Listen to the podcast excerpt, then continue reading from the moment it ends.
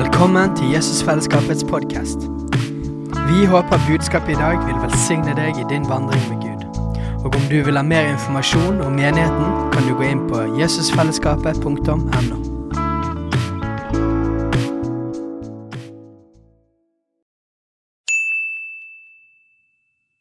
Hei! Visste du at Jesusfellesskapet starter en ny bibelskole til høsten? Den heter Jesusskolen og starter den 3. september. Gå inn på jesusskolen.no for mer informasjon. Yes, spennende tider. Eh, anbefaler sterkt å komme på bønn og lovsang. Gjerne vekkelsesmøte i kveld også. Må rydde litt her. Sånn. Sånn. Um, hvis vi teller opp at én person en kveld er liksom én, så, så, har det da i løpet av mandag til og med i går vært over 200 mennesker i bønn og lovsang her i løpet av uka. Altså ikke hver kveld, men til sammen. Uh, det er bra, det. Uh, hvis du tenker på at Vanligvis i bønnehuset på bønnetider så samler vi sånn tre til fem-seks stykker. Så, så, er 200 mennesker innom i løpet av seks kvelder. Det er, det er bra, det. det. Og vi tror at det skal skje mer. Og hvorfor? Vi tror det treffer en lengsel og en hunger etter mer av Gud. Det treffer et inderlig ønske om at Gud skal gjøre mer. Jeg vet ikke åssen det er med deg, men uh, hvis du leser evangeliene og apostlenes gjerninger, og så ser du på Guds menighet Enten det er vår menighet eller hele Guds menighet i Bergen. Og så ser du på verden rundt oss i Bergen og i Norge og i Europa. Har du noen gang tenkt da Sånn som vi har det her, ligner ikke helt på sånn som det er her. Har du tenkt det noen gang? Hvis ikke du har tenkt det noen gang, så bør du lese Bibelen en gang til, og så bør du tenke det. Eh, fordi hvis det vi skal sammenligne oss med, ikke som en sånn fordømmende 'fy, fy, så dårlig vi er', men det vi skal sammenligne oss med i forhold til hva er det Gud har for oss, så er det evangeliene og apostlenes gjerninger. Ok? Ja, det var to som mente, var enig i det. Ja, Det er bra. Og Hvis vi ikke da er der at vi kan sammenligne oss, vi kan speile oss f.eks. i apostelens gjerninger og si at ja, men vet du hva, det som skjer der, sånn er det her. Hvis ikke vi er der, så har du to løsninger. Enten fordømmelse, og vi legger inn årene, eller søke Gud. For at han skal komme og gjøre mer. Ok? Derfor har vi denne bønne- og fasteperioden med bønn og lovsang hver kveld og, og slike ting. Fordi vi tror at Gud ønsker å sende vekkelse. Ja, det var to stykker som trodde det. En på første benk og en litt baki der. Takk til dere to. Dere andre kan gå hjem. Ja. Vi tror at Gud ønsker å sende vekkelse. Ikke som en sånn magisk poff, plutselig skjedde det et eller annet, og vi hadde ingenting med det å gjøre, men som et svar på bønn. Så i dag skal vi tale om vekkelse. Og det er ikke fordi vi kan produsere det, for det er ingen av oss som kan, men for både å inspirere i forhold til det, og også for å avklare et par ting. Fordi vekkelse det er en sånn greie som Når du sier det ordet, så tenker ca. alle dere her inne på ca. like mange forskjellige ting som det det er mennesker her inne. Ikke sant? Og det er helt greit, men det er ikke sikkert det er rett. Det betyr ikke at det jeg tenker om vekkelse, er rett heller, for all del.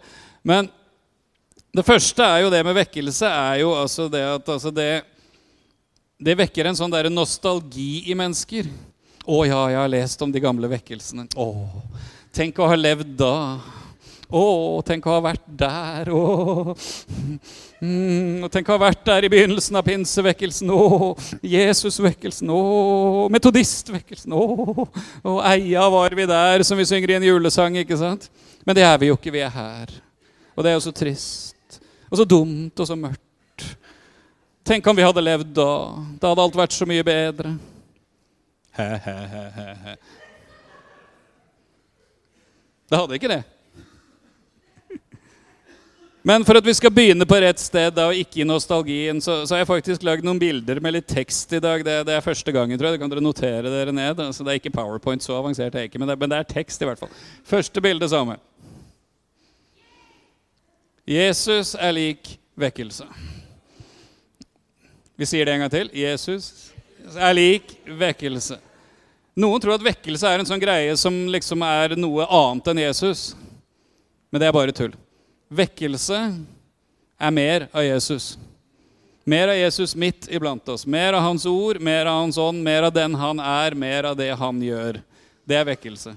Så derfor, for å si det en gang til, kan vi ta bilde nummer to. Vekkelse er lik Jesus. Jesus er lik vekkelse, og vekkelse er lik Jesus. Det er hele poenget. Og hvis du tenker på det, vekkelse er ikke bare noe som har skjedd opp gjennom historien. Det begynner i Det nye testamentet. Det begynner med Jesus. Ja, Var det vekkelse rundt Jesus, da? Ja, det var vekkelse rundt Jesus. Ja. Hvis ikke du tror meg, så kan vi lese i Markus kapittel 1. Eh, historien om Jesus i Kapernaum. Vi skal ikke lese hele dem. Det begynner i vers 21 i Markus 1. Eh, da er vi innom den som vi var innom forrige gang jeg talte, om Jesus som befrieren. Altså den historien med mannen med den urene ånden i synagogen. Og alle blir slått av undring og skjønner at her er det en som bærer noe mer enn det de er vant til. Etterpå så går de hjem for å spise, spise sabbatslunsj hos Peter, og der ble det Jesus, hans svigermor. Det var vi også innom.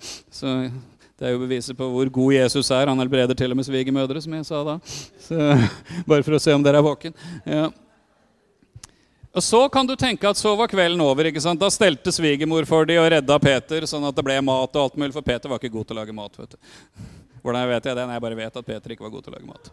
Uh, og så var liksom kvelden over, og jeg tenker meg at Peter og Jakob og Johannes og de andre som var sammen med Jesus, der tenkte at nå, nå har vi hatt en fin dag. Vi var i synagogen, der var en mann som ble satt fri fra noen ånd. Nå er svigermor helbreda, vi har spist god mat, og så banker det på døra.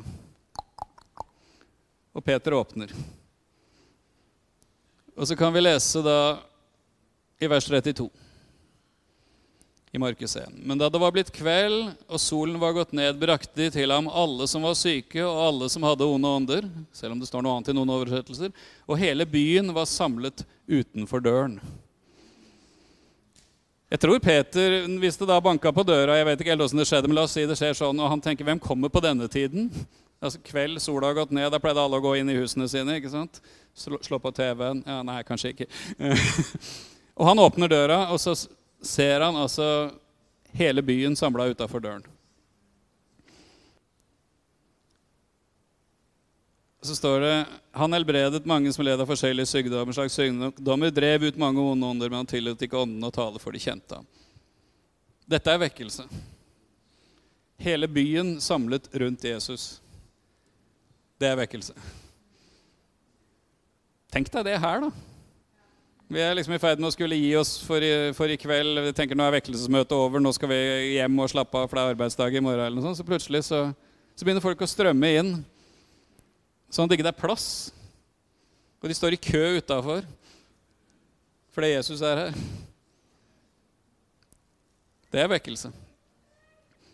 Og dette skjer jo altså rundt Jesus jevnt og trutt i den første delen av hans tjeneste, og også i, Jerusalem etter hvert. Og det oppsummeres i Matteus kapittel 4, vers 23-25. Det er vers som er sitert mange ganger. men...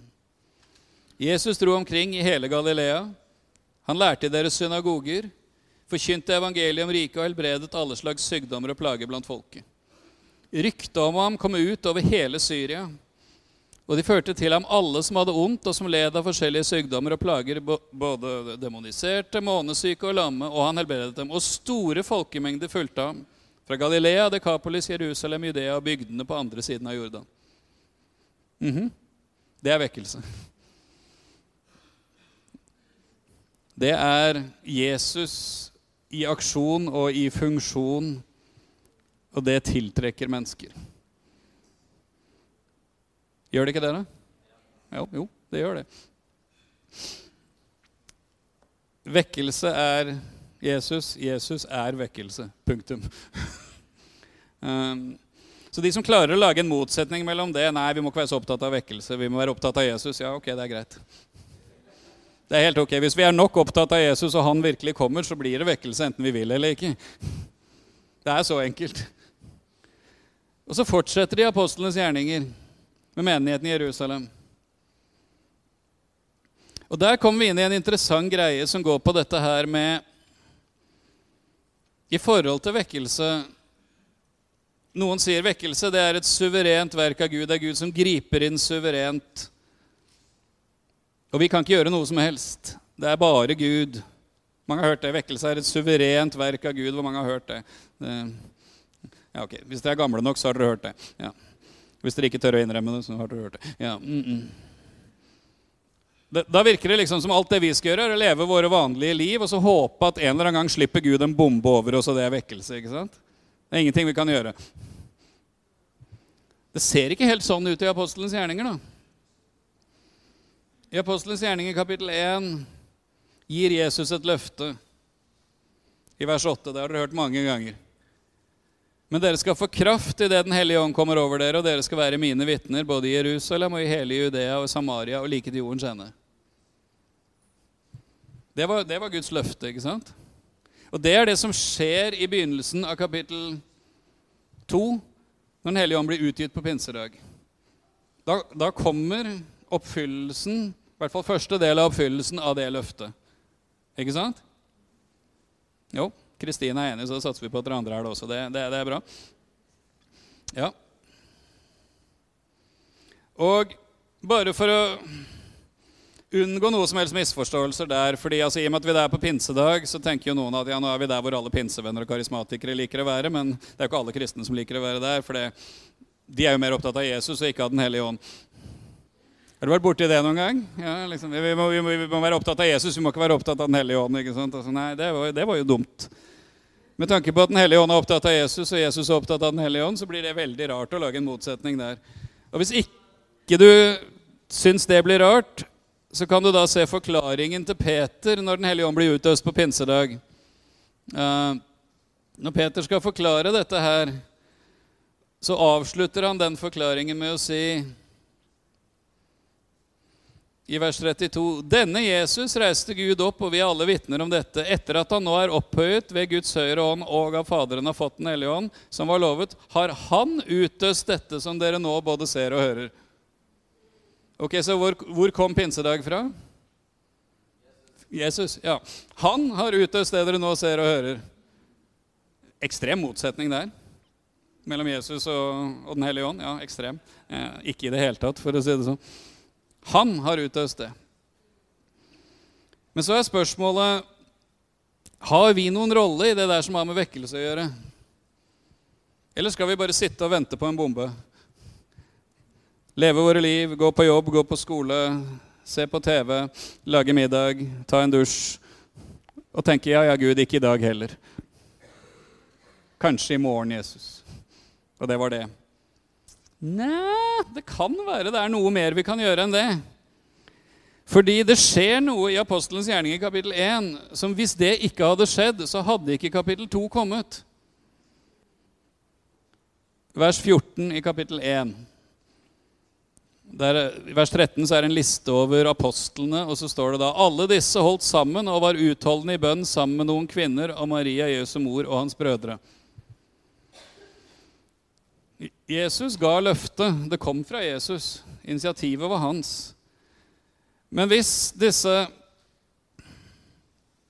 apostlene og Maria, Jesu mor og noen andre kvinner og hele gjengen, de var jo rundt 120, står det i, dag i begynnelsen av kapittel 2 hvis de hadde tenkt 'Å, oh, wow, Jesus har lovt det', ja, men da går vi hjem. Og så møtes vi når det kommer. Hadde det skjedd da? Jeg vil at dere skal si nei. altså. Hadde det skjedd da? Noen tenker 'jo, for Gud er suveren'. Ha-ha. Ja, Gud er suveren, men han er ikke så suveren at han ikke ønsker å samarbeide med oss. Fordi han vil ha en relasjon. Gud sitter ikke som en slags, Det at Gud er suveren, betyr ikke at Gud sitter som en slags dukkemaker oppe i himmelen og har tråder til alle og bare leder alle alle mulige steder, og så skjer akkurat det han vil hele tida. Gud er suveren, men han har satt én begrensning på sin suverenitet, og det er han har gitt oss en vilje. Hvor friden er, kan du diskutere noen ganger, men vi har en vilje i hvert fall. Og vi kan velge å bruke den i retning av det Gud vil, eller vi kan velge å bruke den i retning av det jeg vil, eller i retning av det helt andre ting vil. Og resultatet blir deretter. Hvis Gud, Gud, hvis Gud var så suveren at uansett hva som skjedde, så skjedde hans vilje, da hadde aldri Jesus lært disiplene å be 'la din vilje skje'. For hvis det skjedde automatisk, hvorfor be om det? Der fikk, der fikk, du, der fikk du noe å tygge på der.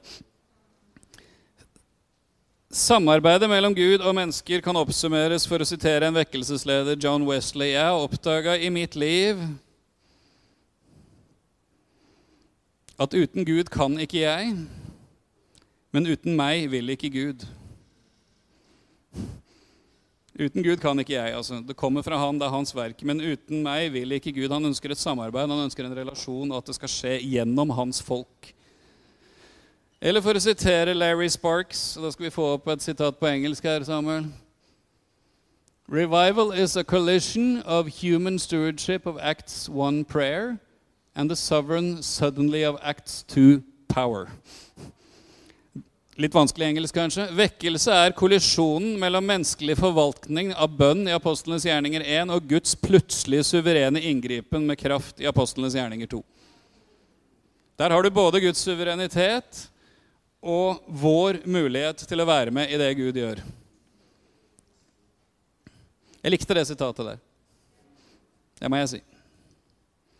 Så følger det da på i apostlenes gjerninger pinsedag, åndsutgytelse, masse mennesker blir frelst.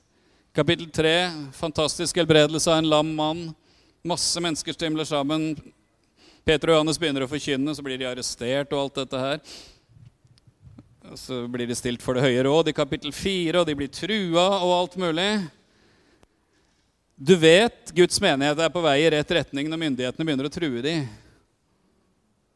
Jf. dagens situasjon. Ikke sant? Dere kan ikke forkynne om det. dere kan ikke gjøre sånn. Du, du, vet vi er på vei et sted når myndighetene begynner å være truende og ikke lar oss i fred. Gud velsigne kulturministeren, men halleluja. Det er et godt tegn. Vi står for noe som er utfordrende for noen. Og så lenge vi gjør det i kjærlighet, så er det et godt tegn. Men på slutten da, kapittel 4 så kommer Peter og Johannes tilbake til menigheten etter å ha blitt trua og, og alt mulig sånt. Og så ber de sammen. Og så står det i vers 29 de avslutter bønnen. Og nå, Herre, hold øye med deres trusler, og gi dine tjenere å tale ditt ord med all frimodighet. Hva var de blitt trua til? Slutt å tale i Jesu navn. Hva ber de om? De var ikke veldig lydige mot myndighetene der, var de det? Nei. Vi skal lyde myndighetene, sier Bibelen, men Bibelen sier også man skal lyde Gud mer enn mennesker. Og der går grensa for hvor vi skal lyde myndighetene. Halleluja. Det var en hel tale i seg sjøl, men vi tar ikke den. Idet du rekker ut din hånd, så helbredelser og tegn og under skjer ved din hellige tjener Jesu navn. Og da de hadde bedt, skalv stedet der var samlet, og de ble alle fylt med Den hellige ånd, og de talte Guds ord med frimodighet. Som Steinar har sagt mange ganger, og jeg òg, den gjengen som Den hellige ånd kom over der, var samme gjengen som på pinsedag, pluss en god del flere. Så pinsedag var en engangsgreie at da kom ånden på den måten for første gang. Men pinsedag var ikke en engangsgreie at, og derfor så trenger vi ikke noe mer. For de samme som ble fylt av Den hellige ånd på pinsedag, ble fylt av Den hellige ånd igjen bare to kapitler seinere. Og så skjer det en utvikling her hvor jeg skal bare lese noen vers. Eh, kapittel 5, vers 14-16, f.eks. Etter denne åndsutgytelsen stadig flere som trodde på Herren, ble lagt til menigheten, en mengde både menn og kvinner. Folk bar til og med de syke ut på gaten og la dem på senger og bårer for at iallfall skyggen av Peter kunne falle på dem når han gikk forbi. Og fra byene rundt Jerusalem kom det mengder av folk som førte med seg syke og slike som var plaget av urene ånder, og alle ble helbredet. Dette ligner på det vi leste fra Matteus 4 om Jesus, gjør ikke det? Bare at nå skjer det gjennom hans menighet. Det er ikke så rart, det. da. Hvis menigheten er Jesu legeme, så skulle jo de samme tingene skje gjennom hans legeme som det som skjedde gjennom han fysisk når han var her. Skulle det ikke det, da? Mm -hmm. Kapittel 6, vers 1. På den tiden da tallet på disipler stadig økte Ok, En mengde ble lagt til i kapittel 5, og nå øker det stadig. altså, Dette, dette er ikke en sånn det er, Dette er en sånn Hva heter det sånn kurve? Jeg husker ikke En eksposensiell kurve. ja. Og vers 7. Og Guds ord hadde framgang, tallet på disipler i Jerusalem økte sterkt. Og en stor flokk av prestene ble lydige mot troen. Det hadde vært noe, dere. Halleluja. Skal ikke si mer om det. Uh, ikke sant? En mengde kom til tro. Tallet økte. Tallet økte sterkt. Så vi hopper noen kapitler til. Kapittel 9, vers 31. Menigheten hadde nå fred over hele Judea og Galilea og Samaria. Den ble oppbygd og vandret i Herrens frykt og vokste ved Den hellige ånds hjelp. Mhm. Nå er det ikke bare Jerusalem, nå er det hele Judea og Galilea og Samaria og, og greier og greier. Og For å ta det siste verset jeg tenkte i forhold til det, vers 12, nei, kapittel 12, vers 24. Men Guds ord hadde framgang og bredte seg stadig videre ut. Det er vekkelse i apostlenes gjerninger. Det begynner med Jesus sitt løfte, og så at hans menighet søker han for å se han oppfylle sitt løfte. Så gjør han det, og så tar det av. Så blir det mer, og så blir det mer, og så blir det mer. Og Denne vekkelsen som begynner på pinsedag, den varer i over 300 år. Og brer evangeliet fra Jerusalem ut over hele Romerriket og områdene rundt på en sånn måte at det er helt vanvittig. Men husk på, de hadde ikke Internett. De hadde ikke biler, de hadde ikke fly. Men de hadde Den hellige ånd. Det gjør at rundt år 200 for eksempel, så regner man med at flertallet av befolkningen i den romerske provinsen som ble kalt Asia, som er dagens Tyrkia, at flertallet av befolkningen i hele den provinsen var kristne. At rundt år 100 så regner man med at menigheten i Rom besto av mellom 50 og 60 000 mennesker bare i Roma. Rundt år 300 regner man med at i hvert fall 15% av Romerrikets innbyggere var blitt kristne. Det bodde kanskje 30 millioner mennesker i Romerriket på den tiden, så, så 15% Det er en del mennesker, altså. Og det ender opp med at romerne slutter å forfølge de kristne fordi de, en romersk senator sier i senatet jeg tror vi må slutte med det vi har holdt på med mot disse kristne, for det virker på meg som jo flere vi dreper av de, jo flere blir de. Ja. I løpet av 300 år beseirer Guds menighet det romerske imperium uten å løfte et eneste våpen.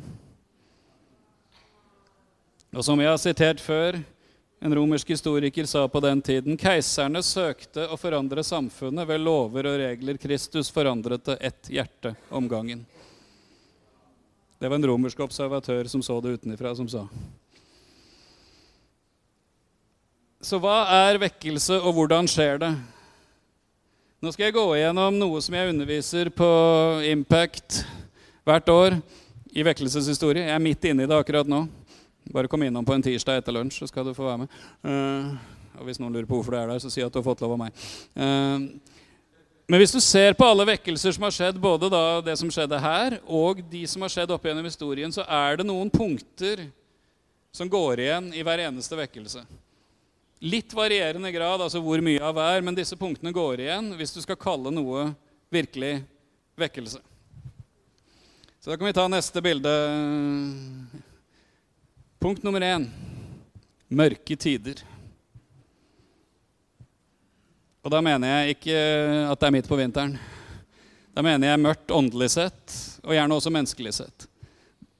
Omtrent alle store vekkelser har begynt på et tidspunkt hvor det rent fysisk, hvis du så på verden rundt deg, kunne tenkt her kan det aldri skje noe som helst. Kirkene begynte å tømmes for folk. Umoral florerte, kristne ble gjerne erta og mobba osv. osv. Masse kriminalitet. Og som en fransk adelsmann som besøkte Amerika før, før The First Great Awakening på 1700-tallet, han skrev «Ja, men Det virker som om de amerikanerne i denne i nye verden har forlatt troen fullstendig. Ja. Mørke tider. Og da må jeg få lov å si én ting. Det gir jo da grunn til håp og tro. Fordi altså Å observere samfunnet rundt oss og se på frafallet, forfallet, elendigheten, da trenger du ikke være profet, altså. Du er ikke profet hvis du kaller mørket mørkt. Og det fins veldig mange som sier nei, vekkelsens tid er over i vår del av verden. Vi har hatt vår sjanse. Nå, nå har Gud latt sin vekkelse rulle videre til Sør-Amerika og Asia og Afrika, og vi må bare leve med restene her og håpe at Jesus kommer og henter oss snart. Not. Første steg er mørke tider. Neste steg Om vi får neste bilde, Samuel? Noen begynner å be. For du skjønner, Guds løfter gjelder fortsatt. Jesus sitt løfte i apostlenes gjerninger 1,8 gjelder fortsatt. Dere skal få kraft idet Den hellige ånd kommer over dere. Noen, med noen så mener jeg hva som helst. Det kan være én, det kan være to, det kan være ti, det kan være hundre. Noen våkner opp til den åndelige tilstanden i samfunnet der ute og sier, 'Gud, det skal ikke være sånn'. Sier Gud, det er ikke meninga det skal være sånn. Gud, det er ikke det du har lovt. Gud, det er ikke sånn du hadde tenkt. Noen sier til og med noe så drastisk som 'not on my watch', altså ikke på mitt skift. Altså. Noen våkner, og hvem er det som vekker dem til å begynne å be? Det er selvfølgelig Gud. Så samspillet mellom Gud og mennesker. ikke sant? Noen våkner og begynner å be. Og der er hemmeligheten. Hvis ikke du husker noe annet, det sier jeg til elevene hvert år når jeg underviser i vekkelseshistorie, og dette er hemmeligheten. Hvis ikke du husker noe annet fra i dag, så skal du huske denne setningen. Ingen vekkelse uten bønn. Punktum. Det vil jeg også si med bønn. Ja, da kan det bli vekkelser. For bønn er nødvendig. Noen begynner å be. Da kan vi få opp neste bilde. Det fører til fornyelse av Guds folk. Gud kommer, begynner å øse ut sin ånd over sin menighet. Det fører til at mennesker bekjenner synd, mennesker omvender seg fra lunkne liv, hemmelige synder osv. osv. Og Gud begynner å virke iblant sitt folk. Det gjør at det blir flere som ber. Det gjør at det skjer forandring i liv. Sånn at de, de ute rundt begynner å se hva som har skjedd med deg. da? Jo, nei, det, jo nå skal du høre. Altså, ikke sant? Fordi Gud kommer med sin ånd. Det fører til neste bilde frelse. Det fører til at evangeliet begynner å gå ut i Guds kraft til de som ikke kjenner Jesus. Og Det fører ikke bare til at én blir frelst, det fører til at mange blir frelst. Det igjen fører til neste punkt forvandling av samfunnet. Det fører til at når tilstrekkelig med mennesker har lært Jesus å kjenne, blitt født på ny, blitt fylt med Guds ånd, så begynner de å leve annerledes liv som gjør at samfunnet blir annerledes. Og Da kan vi ta alle punktene sammen. Mørke tider, noen begynner å be, fornyelse av Guds folk, frelse, forvandling. De to siste er som regel det folk kaller vekkelse. Hvis du spør mennesker hva er vekkelse, så vil de si mange mennesker frelst, samfunnet forvandla. Det, det, vil 90% av de som har en tanke om det, si det er det som er vekkelse. Men jeg må få lov å si uten de tre foran så kommer du ikke til punkt fire og fem. Da hadde det vært et fullstendig suverent inngripen av Gud. At vi bare kunne leve våre liv akkurat sånn som vi ville, og Gud slapp vekkelsens bombe på oss, enten vi ville eller ikke. Men uten at noen skjønner at sånne mørke tider er ikke det Gud vil ha, og begynner å be, og så kommer Guds ånd over Guds folk, kanskje ikke hele, men over hvert fall store deler, så fører det til frelse for mange og forvandling av samfunnet. Men alle sammen er en del av vekkelse. Og Derfor så syns jeg det er så morsomt i hermetegn morsomt. Det som skjedde på Asbury, for eksempel, ikke sant? Med en gang det begynner å skje ikke sant? Noen studenter vil ikke gå etter gudstjenesten, den obligatoriske, og fortsetter å be og tilbe Gud. Og så kommer flere av de tilbake igjen, og så holder de på døgnet rundt i over to uker.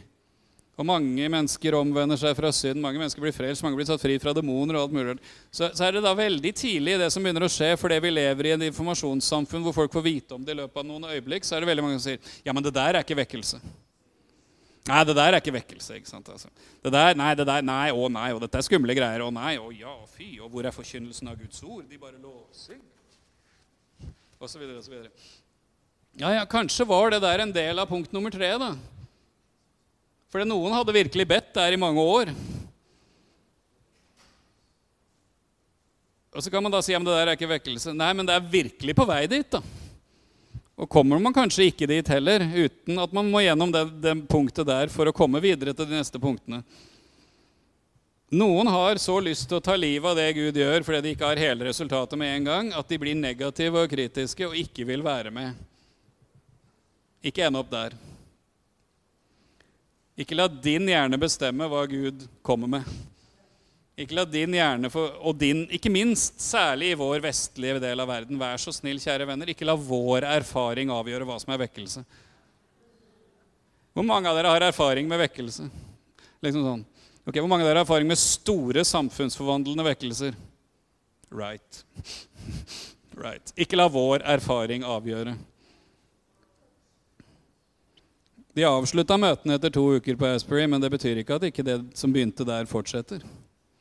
Gud ut, fortsetter å utøse sin ånd. Gud fortsetter å gjøre ting. Og skal vi komme til punkt tre og fire, så må vi gjennom de før.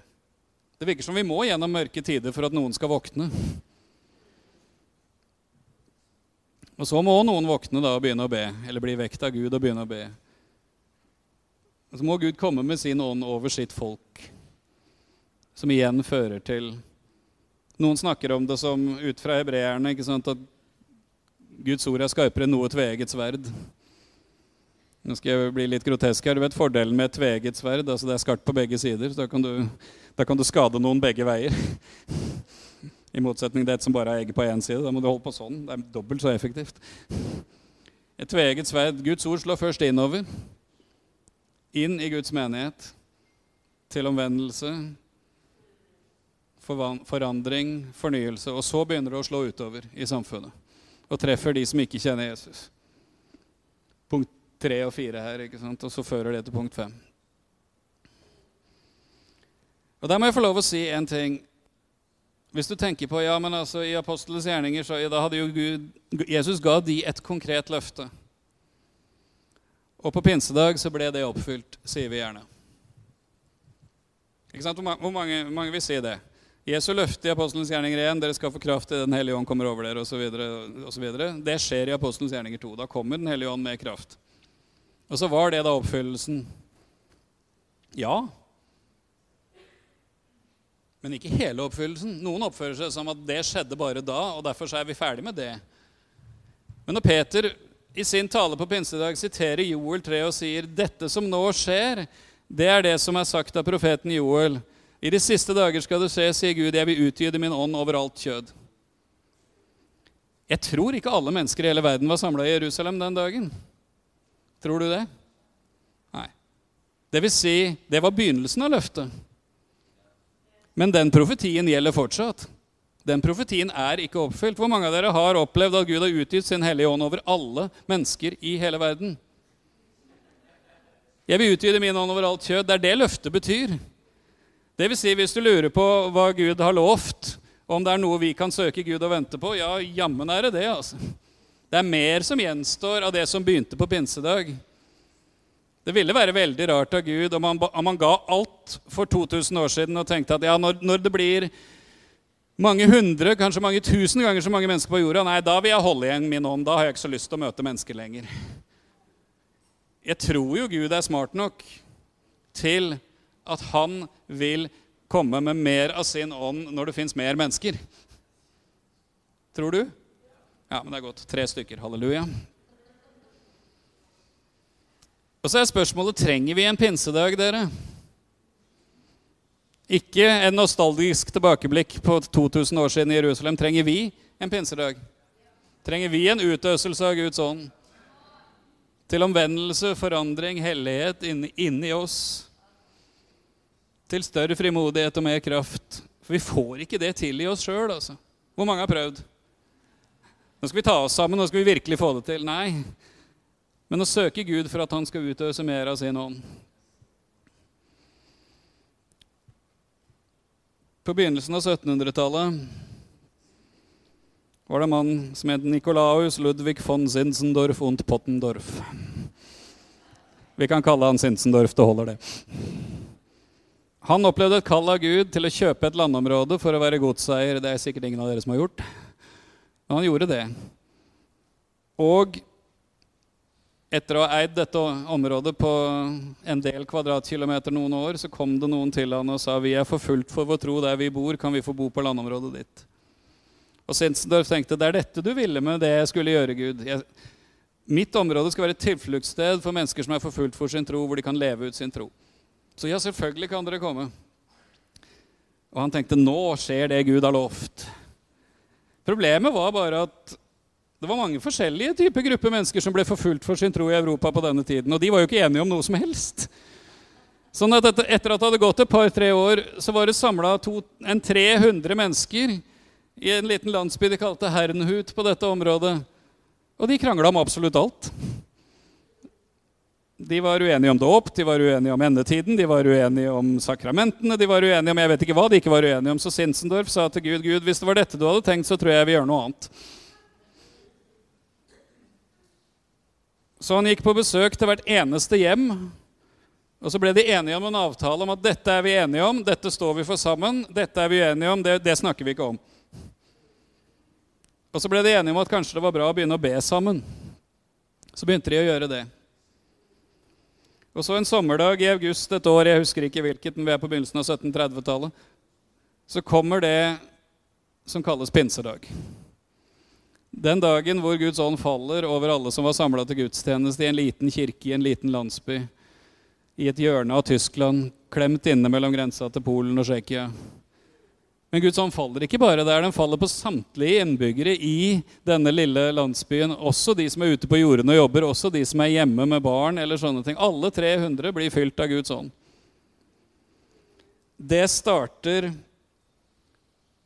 et over 100 år langt bønnemøte 24-7 i denne lille landsbyen. Og I løpet av de 100 årene så sender en landsby på 300 mennesker ut 300 misjonærer. Det betyr ikke at alle reiste, for det var jo noen generasjoner, da. Men altså, det sier noe. De trengte en pinsedag. Kan være vi trenger en pinsedag òg. For å ta litt nyere historie, da. Hvor mange av dere har hørt om Kristian Sundsdal? var det jeg visste. Kristian Sundsdal var den andre forstander eller pastor i Philadelphia, Kristiansand, pinsemenigheten i Kristiansand. Han overtok noen år etter at menigheten var starta, hvor liksom den første delen av pinsevekkelsen var i ferd med å avta litt. Og han hadde en veldig nød for at ting skulle fortsette. Så han pleide å gå gatelangs i Kristiansand og be for byen. Han vandra rundt, han velsigna hvert hus. Kristiansand var ikke så stort da som nå. En kvadratisk sammensetning av gater og hus. Og han gikk rundt der og ba. Ba om at Gud skulle komme, ba om at mennesker skulle bli frelst. Så forteller han en dag at han fortsatte vandringen litt. Så kom han opp på en liten åskam overfor byen, hvor han så utover hele byen og, og ba til Gud om at Gud skulle gripe inn og gjøre noe mer i Kristiansand. Så sier Gud, 'Kristian, den vekkelsen du ber om, hva om jeg sender den til metodistene?' Han var ikke så veldig begeistra for det, for det, pinsebevegelsen hadde jo brutt ut av metodistkirken. ikke sant? Fordi det ikke var rom for de der. Ja, han var ikke så begeistra for det. Eller baptistene. Ja, han var ikke så veldig begeistra for det. heller, fordi de hadde jo ikke helt det synet på Den hellige ånd som han hadde. ikke sant? Eller kanskje til Indremisjon. Nei, Da ble det enda verre for ham, for de, de døpte jo barn. Og nei, å fy og fy. Og, og det var til og med uttalt i Indremisjonen i Kristiansand og advart mot disse farlige pinsevennene. Eller til Den norske kirke, eller statskirke, som ble kalt på den tida. Da fikk han virkelig problemer, for domprosten hadde skrevet advarende artikler i, lo, i lokalavisen mot dette her, og, og, mot han spesielt. Så tenkte Kristian Sundsdal seg om litt. grann. Så knelte han ned og så sa han, det er samme Gud hvordan du sender det, og hvordan du kommer, og til hvem du kommer, bare du kommer. Gjør det du vil, hvor du vil, når du vil, bare du kommer. Og det må jo være poenget, da. Det ble begynnelsen på en periode hvor Philadelphia Kristiansand la flere hundre mennesker til som ble frelst og døpt i løpet av ett til to år, som var selve kjernen og stammen i det som ble en stor menighet som eksisterer den dag i dag. Og hva var poenget? Poenget var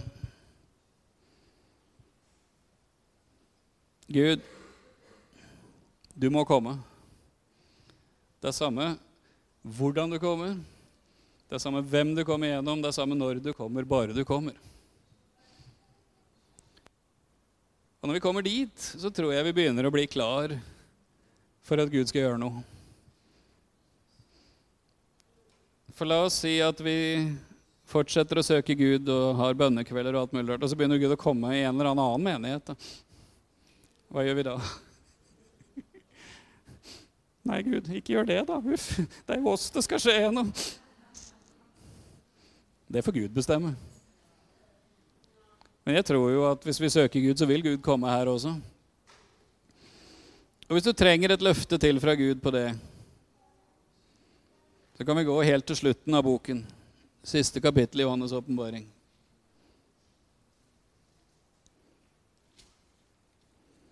Kapittel 22 i Johannes' åpenbaring. Skal vi se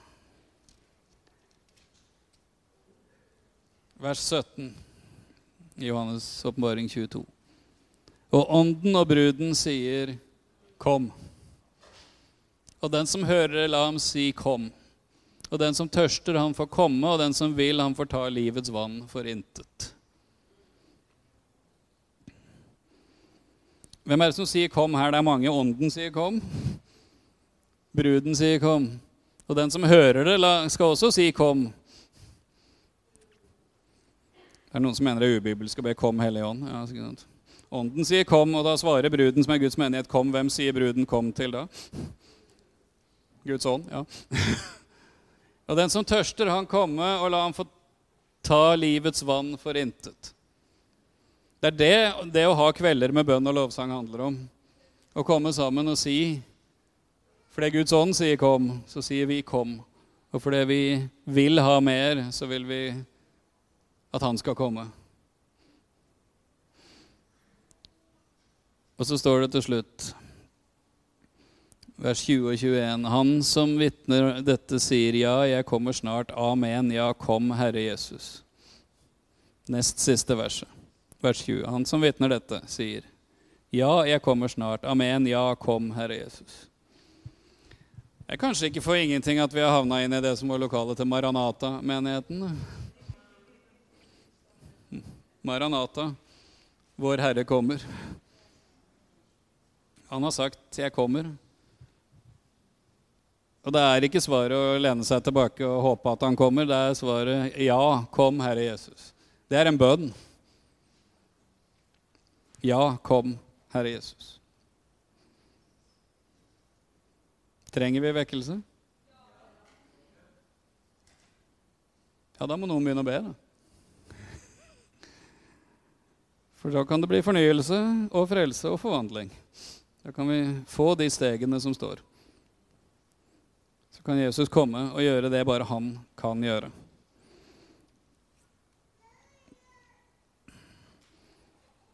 Den forrige store vekkelsen på Asbury University skjedde i 1970.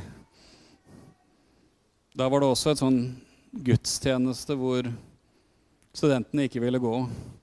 Og de ble værende. Jeg vet ikke hvor lenge de ble værende, men det var lenge.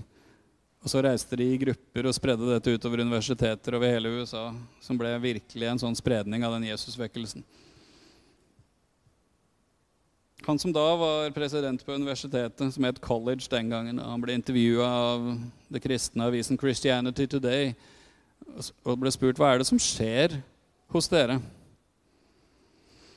Og han svarte jeg er ikke helt sikker, men det jeg kan si, er Og så sa han en dato og et, og et tidspunkt, det husker ikke jeg På den og den datoen på det og det tidspunktet kom den Herre Jesus inn i kapellet.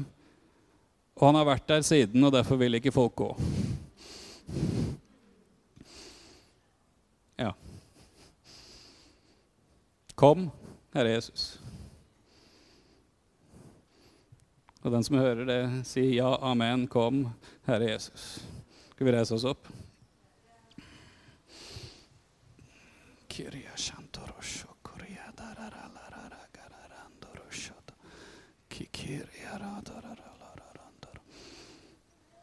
Herre, vi vet at vi får ikke til dette i vår kraft. Vi kan ikke produsere det du ønsker å gjøre, men vi kan tro på dine løfter, Herre. Det er du som har sagt du vil utgi din ånd over alle mennesker. Det er du som har sagt at du kommer. Det er du som har sagt at vi skal få be om at du skal komme. Det er du som har sagt at den som tørster, skal få komme og skal få drikke og skal få del i det livets vann som du vil sende, Herre. Derfor så kommer vi til deg nå, Herre. Vi kommer framfor deg, Jesus. Vi kommer til deg, Herre, og ber at du skal komme. Kom, Herre. Kom. Kom med din ånd, Herre. Kom i din herlighet, Herre. Kom med din kraft, Herre. Kom med frelse, Herre. Kom med hellighet, Herre. Kom med ild, Herre. Kom med alt det du er, og alt det du gjør, som vi ikke er og vi ikke kan, Herre, men som du vil gjøre gjennom oss, Herre. Som du først vil gjøre i oss, og som du så vil gjøre gjennom oss. Kom, Herre. Kom, Herre.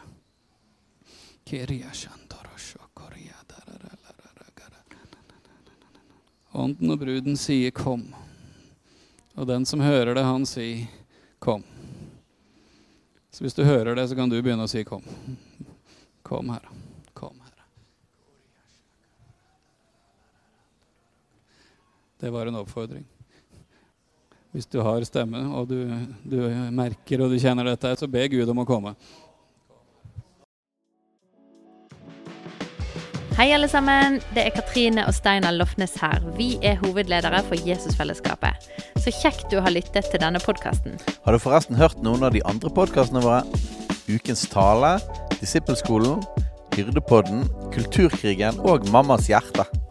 Du finner disse podkastene på Spotify, Apple Podkaster og på nettsiden vår jesusfellesskapet.no.